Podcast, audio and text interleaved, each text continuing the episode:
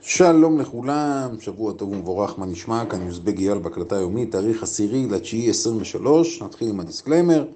קבוצה זו נוצרה בכדי ללמד, להעשיר ידע ולחוק קריינות בשוק ההון והינה אינפורמטיבית ולימודית. כל העושה שימוש בתכנים המועלים בקבוצה זו עושה זאת על דעת עצמו ואחריותו הבלעדית, חל איסור מוחלט לשווק, לפרסם ולהציע הצעות מסוג זה לחברי הקבוצה. היום ההקלטה פתוחה לכולם, ואני רוצה להתחיל עם מענה לשאלה, שאלה מצוינת. אחד החברים שלנו שאל, מה לעשות אם הוא מושקע בחברת דיסני, שימו דיס, D-I-S, לטווח ארוך, היות והמניה נמצאת כרגע בשפל של עשר שנים פלוס מינוס. אז אני אתן תשובה שהיא תשובה מוחצת, בלי להתבלבל בכלל.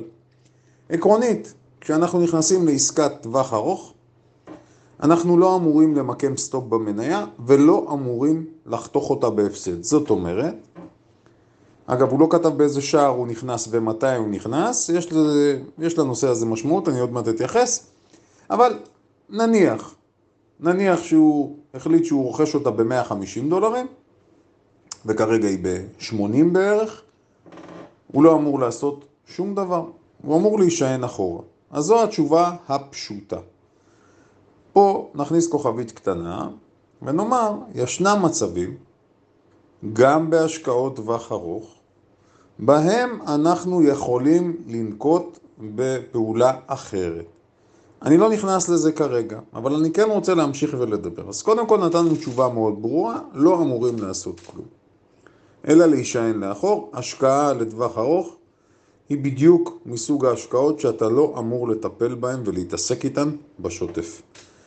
אני מזכיר, בניהול סיכונים נכון, לא אמורה להיות בעיה. אם גם חברה אחת, שתיים, אפילו שלוש, ירדו לאפס. זאת אומרת, נניח שיש לי שלוש חברות בתיק, אני אלך על דברים מוכרים וקיצוניים.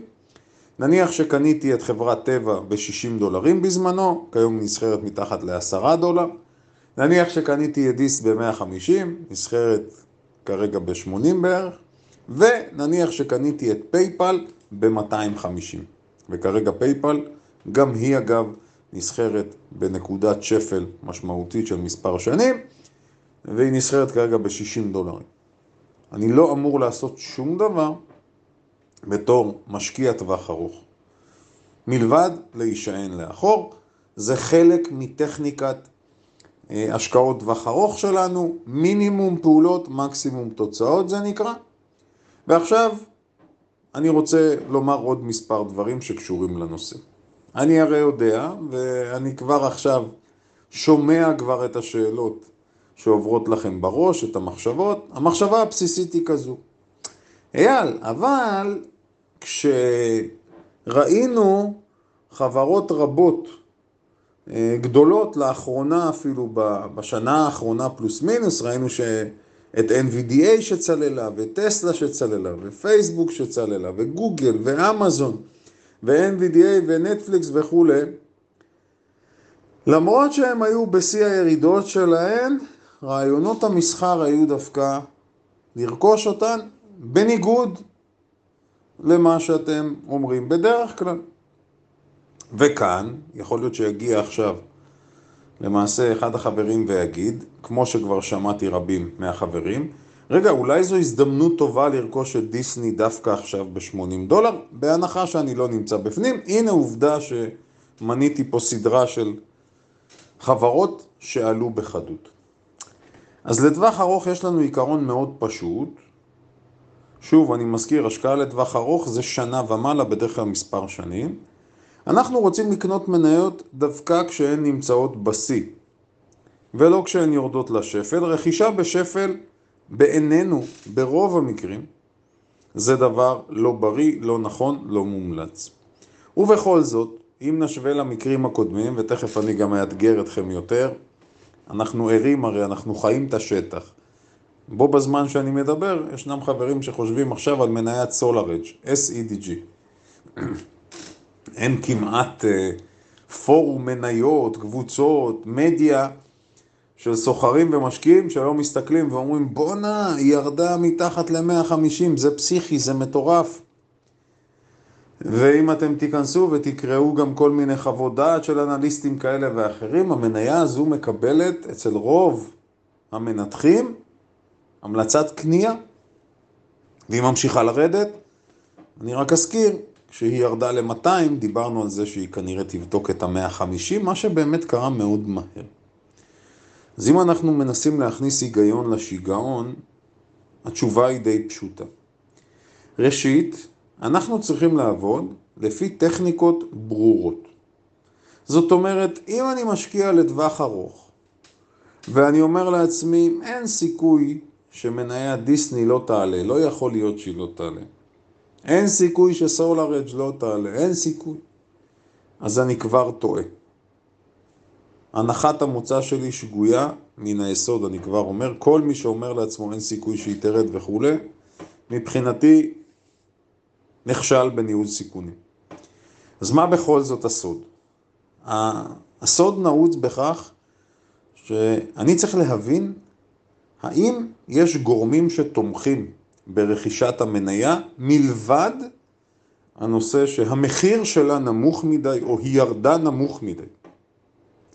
זה לא משהו שמחזיק מים. ירדה נמוך מדי, כמה עוד היא תרד, אלה משפטים בעיניי מגוחכים. מי שעוקב אחרינו בשנים האחרונות יודע שזה לא מחזיק מים. מה בכל זאת יכול להחזיק מים במקרים הללו? אז אני אתן הסבר, אני אנסה להסביר לפחות מהדוגמאות שהעליתי בעצמי, מדוע נניח כשטסלה ירדה לאזור המאה אמרנו שזו רכישה טובה, וגם ציפינו למהלך של נגיד בין 50 ל-100 אחוז בטווח מאוד קצר, מה שבאמת קרה, ומדוע נניח בדיסק כרגע זה לא המקרה. אז בואו נשווה. אני מזכיר בזמנו, כשחברת טסלה, אני אצרף לכם גם את הגרף בכדי שתראו, כשחברת טסלה ירדה את הירידה החדה שלה לאזור המאה דולרים, היו ברקע כמה סיפורים. הסיפור, אני חושב, הכי משמעותי באותה תקופה, הייתה רכישת, או הכוונה לרכישת טוויטר על ידי אילון מאסק, פלוס מכירת המניות שלו עצמו, מי שזוכר את זה. מה שהוביל באמת ללחץ אגרסיבי מאוד, ואם אנחנו נחשוב על זה, הגיוני. אילון מאסק בזמנו מכניס את הראש שלו למיטה חולה, אגב אפשר בוודאות אה, לראות שההנחה שלנו בזמנו, הנחת המוצא שהוא מסתבך עם טוויטר הייתה נכונה, תראו מה קרה לטוויטר, בלאגן מכל הכיוונים, השווי שלה נחתך, פיטורים, המודל העסקי משתנה, אז ברור שהוא מכניס ראש בריא למיטה חולה, והדבר השני, המכירה המסיבית של מאסק ואח שלו, הם מכרו כמויות אדירות של מניות, אז יש היגיון. עכשיו, אני לוקח ואני מראה לכם, אתם גם תראו את זה על הגרף, טסלה ירדה מ-300, אה, זה היה, אני מסתכל על הגרף, ב-9 ספטמבר 22. שיא הירידה שלה, ינואר 23, כלומר שלושה חודשים בערך, ומפה, מה שנקרא, השתחרר הקפיץ ברמה כזו שהיא חזרה טיק טק ל-200, נחה שם, דקרה את ה-300, אז אפשר להבין, ואגב, נבחי המסחר גם אה, עוזרים לנו בזה, אנחנו רואים הירידה החדה פלוס העלייה, יחסית ישנה סימטריה מובהקת. אם אתם תסתכלו על הגרף, אתם תראו כמה חודשים של ירידה רצופה. יש לנו פה חמישה חודשים רצופים אדומים, והיא עלתה יחסית מהר מאוד. מה שנקרא, כסף הספקולטיבי יצא מהר ונכנס. תוסיפו לכך עוד אלמנט, אלמנט השוק. אנחנו אומרים שבעיקרון, להסתמך על השוק כאשר אנחנו נכנסים למניה, בעינינו זה לא חכם בעליל. אחד הדברים הכי לא חכמים. אממה, שנת 22 הייתה שנה קשה בנסדק. לא בכדי דיברנו על כך שצריך לפתוח הגנות בסוף 21, תחילת 22. ולכן, ישנה קורלציה. הנסדק ירד באותה תקופה, רוב 22 ראינו את הירידה, בערך 40 אחוזים ירידה בנסדק, זאת אומרת, גם כאן הייתה סימטריה. אז יש איזשהו היגיון. עכשיו אני מסתכל על דיסני, ואני אומר, מגמת הירידה של דיסני התחילה עוד הרבה לפני כן. אני, אגב, בשני המקרים אני משתמש עכשיו בגרף חודשי. הסיבה שאני משתמש בגרף חודשי, היות ואנחנו מדברים על השקעות טווח ארוך, וזה בסדר לבחון את זה ברמה חודשית. מי שמתעסק בסווינגים, אז באופן טבעי ילך על גרף יומי, גרף שבועי, אבל כשמדברים על השקעות, בהחלט זה נכון לבחון את זה בגרף חודשי. אז אנחנו רואים שמגמת הירידה בדיסני הגיעה בדיוק, מי שרוצה ככה לדייק, סוף 21, כשהתמריצים של הפד למעשה הסתיימו, שם התחילה מגמת הירידה, ומגמת הירידה היא מובהקת. אמרתי, גם כרגע, אני יודע שזה לא יישמע לחלק מהחברים הגיוני, אבל מבחינה טכנית טהורה, מנתח טכנית טהור יכול לראות שישנו עדיין לחץ על מניית דיסני במצב הנוכחי. זאת אומרת, אנחנו רואים שדיסני וקשר לשוק זה שני דברים שלא הולכים ביחד. היא ירדה עוד לפני כן, ולמעשה ב-22, 23, היא הולכת הצידה. זאת אומרת, ישנו מאבק. עכשיו, הודות לפוסט המצוין של מבשר בפייסבוק שלנו, בו הוא מסביר, אני מציע לכולכם להיכנס, הוא מסביר מה קורה בדיסני. מה קורה בשירותי הסטרימינג שלה, מה קורה בפארקים שלה, מה קורה בתמחור שלה, מה קורה בכלל אצל הקודקודים וההנהלה, מה הכיוונים שהם לוקחים וכיצד זה משפיע על הביצועים שלהם. זאת אומרת, יש פה איזה משהו, זה לא סתם עכשיו משום מקום. אז גיל היקר, אני מקווה שהבנת מה התשובה שלנו. בגדול משקיע ארוך טווח לא צריך לגעת, לא צריך לשנות. אלא אם כן, ופה אני כן אגיד איזשהו סייג אחד, אלא אם כן אתה חושב שמשהו דרמטי מהרגע שנכנסת למניה ועד עכשיו, האם השתנה איזה משהו דרמטי. אז אם אתה חושב שמשהו דרמטי השתנה, אז אתה יכול לשקול, בגדול עדיף להבנתנו לא לגעת. הלאה ברשותכם. בואו נדבר על מה שקורה כרגע. אז קודם כל, אני רוצה להגיד ברכות, ואני רוצה להגיד אפילו תודה. אתם יודעים למי אני רוצה להגיד תודה?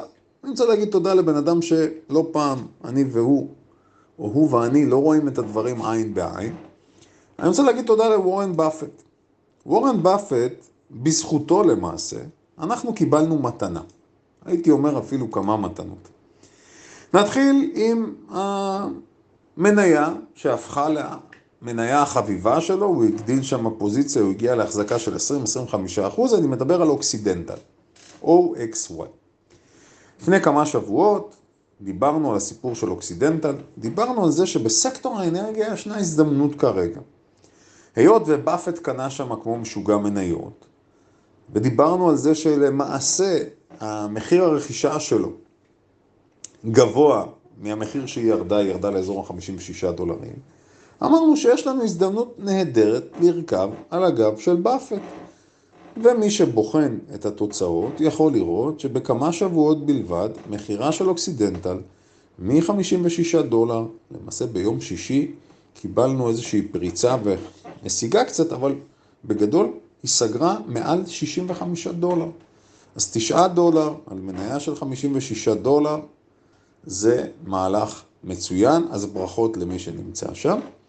זה מתכתב בדיוק עם כמובן מה שקורה למחיר הנפט, ולכן אמרנו שאנחנו צופים שקרן ה-XLE, הזכרנו אותה גם כמה פעמים, דיברנו עליה באזור ה-77 דולרים, אה, אמרנו שהכיוון שלה לקראת פריצה, מה שבאמת מסתמן כרגע, ואני מזכיר בשבוע שעבר, אייזיק שאל אותנו לגביה, ואמרנו לו שהמומנטום כרגע חיובי, והיא אמורה לפרוץ את השיא של שנת 23, ואכן ביום שישי גם היא פורצת שיא תקופתי חדש, אז אנחנו ממש יכולים ליהנות מכל העולמות. הדבר היפה, אה, לבחור סקטור, לבחור מניה, שאנחנו רואים שהם עולים בזמן שהשוק הולך הצידה או יורד, זה דבר גדול, אז ברכות למי שנמצא ותודה לוורן.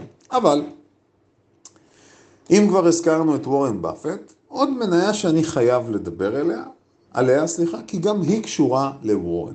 מי שזוכר, בזמן הקורונה, אחת המניות הכוכבות היו מניה, הייתה מניית RH, ב, ביחד עם מניות הקורונה המסורתיות, עם מודרנה, עם זום וכולי.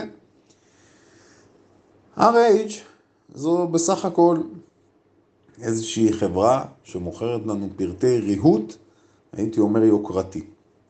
וורן באפט פתח שם בזמנו פוזיציה ענקית, גם היא התרוממה, נסקה ל-700 ומשהו דולרים מ-230, כלומר שילשה את עצמה, ושבוע שעבר מפרסמת דוח ונופלת 16 בתוך היום, ומי שיבדוק יראה שהיא חוזרת לרמות נמוכות, חוזרת איפשהו לאזור הטרום קורונה, אולי קצת יותר. שוב אנחנו מדגישים את הנקודה שהרבה פעמים החברים מתעלמים ממנה, בין אם בצדק ובין אם לא. זה שוורן באפט מבצע פעולות כאלה ואחרות, אני אגיד לכם את הדבר הבא, רוב הפעמים זה לא מעניין. זה פשוט לא מעניין.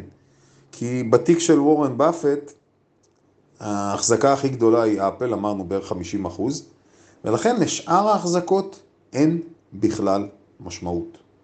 פשוט אין משמעות. אז תגידו אייל, למה במקרה של אוקסידנטל כן חשבתם שישנה הזדמנות, היות והוא קנה אה, כמעט 25% מהמניות שלה. זאת אומרת, הוא נכנס לפוזיציה ענקית, אז זה משהו אחר. אגב, אני מזכיר לכם, בזמנו הוא פתח פוזיציה גם בטבע, מי שזוכר, הוא והשותף שלו, צ'רלי מנגר, פתחו את הפוזיציה בטבע וסגרו אותה בהפסד. זאת אומרת, ממש ממש ממש אין ערובה לכך שכניסה למניות שהוא עוקב אחריהן אה, תוכיח את עצמה או תצדיק את עצמה. גם האמירה שהוא פותח פוזיציות לטווח ארוך וכולי, לא ניכנס לזה שוב. שורה תחתונה, אתם יכולים לבדוק את הפרוטפוליו שלו ולראות שעדיף לקנות קרן מחכה על ה-QQQ, אולי על הספיי, ולקנות מה שנקרא בראש שקט, מבלי להיכנס להרפתקאות במניות בודדות. עוד נקודה חשובה שחייבים לדבר עליה בהמשך לסרטון הבוקר שלנו.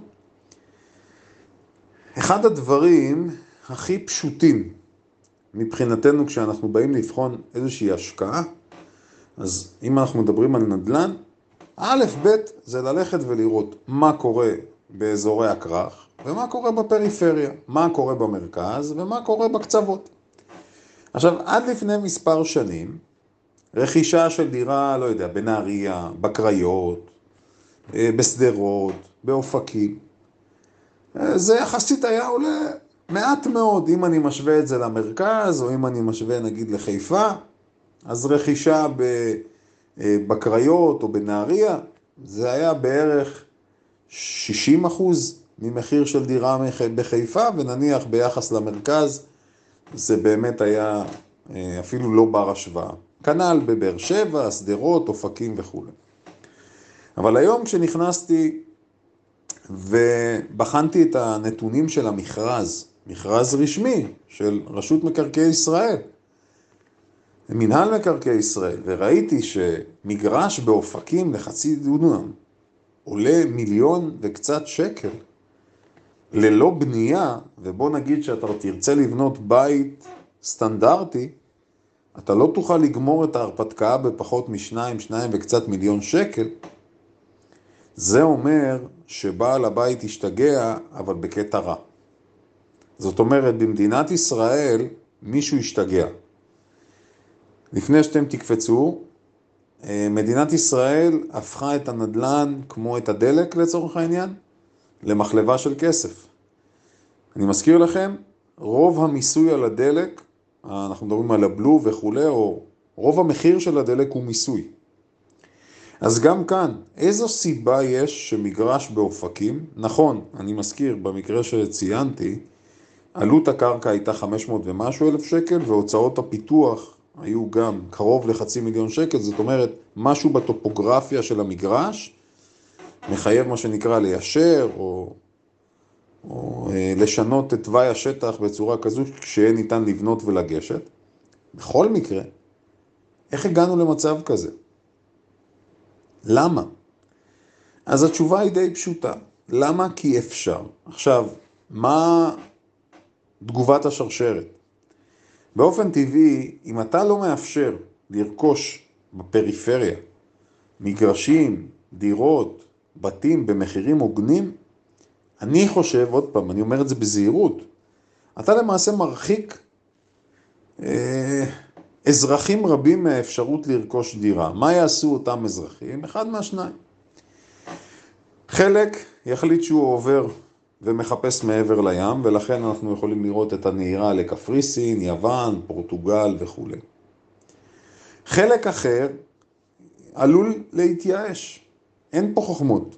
עלול להתייאש. לאותם מתייאשים, אני רוצה להגיד רגע לפני שאתם מתייאשים, ישנם עדיין מקומות במדינת ישראל שניתן לרכוש בהם קרקעות במחירים ממש זולים, 100 אלף שקלים, 200 אלף שקלים נניח לרבע דונם או חצי דונם, אבל יש לזה מחיר.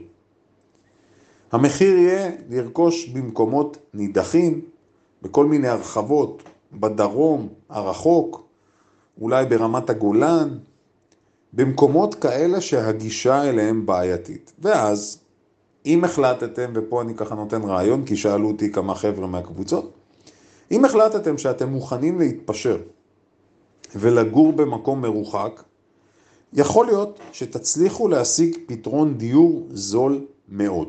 יכול להיות. אגב, אני מזכיר לכם, שבוע שעבר הראינו את המכרז בבית שאן של דירה ארבעה חדרים בפחות מחצי מיליון שקלים, והיה שם אפילו איזשהו מענק. זאת אומרת, זה עדיין אפשרי, אבל בשוליים. עכשיו, מדוע אני מדבר על זה? כי יותר ויותר אנחנו שומעים לאחרונה על חברות נדל"ן בארץ שנכנסות לקשיים. חשוב להדגיש משהו. חברת נדל"ן שנכנסת לקושי כתוצאה מזה שהריבית אה, עלתה במשך שנה, שנה וקצת, כנראה שהיא ממונפת מאוד, כנראה שהיא רכשה את הקרקעות שבבעלותה, את המיזמים שהיא נכנסה אליהם, במחירים מה שנקרא גבוהים מאוד, סלש מנופחים, והיא לא חשבה ולא נערכה לתרחיש הזה. פחות הגיוני ופחות סביר לראות חברות ותיקות, חברות יציבות, חברות לא ממונפות, שייכנסו ללופ או לסחרור הזה. אז אני אגיד שוב, אני אגיד את זה בזהירות, מי שבונה על זה ששוק הנדל"ן בישראל ייכנס לאיזשהו סחרור מחירים משמעותי, אגרסיבי כלפי מטה, אני לא חושב שזה יקרה. מדוע? כי מדינת ישראל יש לה אינטרס לשמור על הגדולים, לשמור על הבנקים וכולי, והיא לא תרצה שנגיע לשם. לכן אני אומר לטובת החברים, שלפעמים, כנראה, בדרך כלל זה חבר'ה צעירים, אבל לא תמיד, מדינת ישראל לא רוצה שמחירי הנדל"ן ירדו. היא יכולה להוריד אותם מהר מאוד אם היא תרצה. בזה אני מסיים את פרשת הנדל"ן שלנו. כן אני אגיד שזה ברור שכרגע אף משקיע שהוא הגיוני לא יחפש לרכוש דירות להשקעה בתשואה של 2 או 2.5 אחוז שנתית, זה פשוט לא רציני, ולכן אנחנו נראה כסף שזולג, מי שבכל זאת מחפש נדל"ן, נראה כסף שזולג לחו"ל. השבוע הקרוב, ב-14 לתשיעי, ההנפקה, הנפקת השנה של ARM. דיברנו עליה ואנחנו עוד נדבר עליה. אני רק אומר, הבאז סביבה הולך ועולה, אתם מוזמנים לקרוא גם את הפוסטים שלנו, של הצוות שלנו, שמעלה גם בפייסבוק, גם באינסטגרם, בטלגרם, ומתייחסים אליה. אני אגיד, זה ברור שהטירוף מתעצם. כשהטירוף מתעצם, אפרופו תוך כדי שאני מדבר איתכם ומסתכל, אתם חייבים להקשיב. תוך כדי שאני מסתכל, אני נמצא בעמדה שלי. אני מקליט, וקופצת לי עכשיו, בזו השנייה, מודעה, דירות בקפריסין החל מ-120 אלף יורו. אז האם פייסבוק וגוגל מאזינות לנו? אני חושב שהתשובה ברורה, ממש עכשיו זה קפץ לי. אני אקריא לכם, מגוון דירות מעוצבות מרוהטות בסטנדרט אירופי במיקום מושלם ובמרחק נגיעה מהם. איי, באיזה עולם אנחנו חיים. בקיצור, ההנפקה הזאת היא, יש סביבה הרבה מאוד באז, אפילו ראיתי פרומואים, ברוקרים שמקדמים את עצמם ומבטיחים למי שיצטרף אליהם מניות אה, במחיר המוסדי, העיקר שתפתחו אצלם חשבון, הרבה מאוד דברים קורים סביב ההנפקה הזו. אני מבטיח שאנחנו ניתן את התחזית המדויקת שלנו אה, או יום לפני או ביום ההנפקה עצמו. לעניין השוק, על מה צריך להסתכל השבוע? בסופו של דבר, אחרי שהעננה סביב אפל והאיסור או החסימה של חברות ממשלתיות בסין, שהן לא רוצות לאפשר לעובדים שלהם לרכוש אייפונים, אז אפל יחסית, בסופו של יום, לא ירדה יותר מדי. מסיימת את השבוע, הייתי אומר, הדי קשה הזה, בירידה מינורית יחסית, 3-4 אחוז, הצליחה להתאושש, אחרי שהיא כבר ירדה, אה, אחרי שהיא ירדה לאזור ה-172 דולרים, הצליחה לעלות לאזור ה-180, אבל אני חושב שהפרשה לא תמה. זאת אומרת, אנחנו נצטרך לחכות ולראות מה יקרה שם השבוע, וכמובן, בגזרת המקרו, שני נתונים שחייבים להמשיך לעקוב, מחיר חבית נפט, וכמובן, תשואת אג"ח הברית לעשר שנים. אנחנו נשתמע כמובן מחר. אתם מוזמנים, אם יש לכם שאלות, להעלות חופשי. שבוע מוצלח.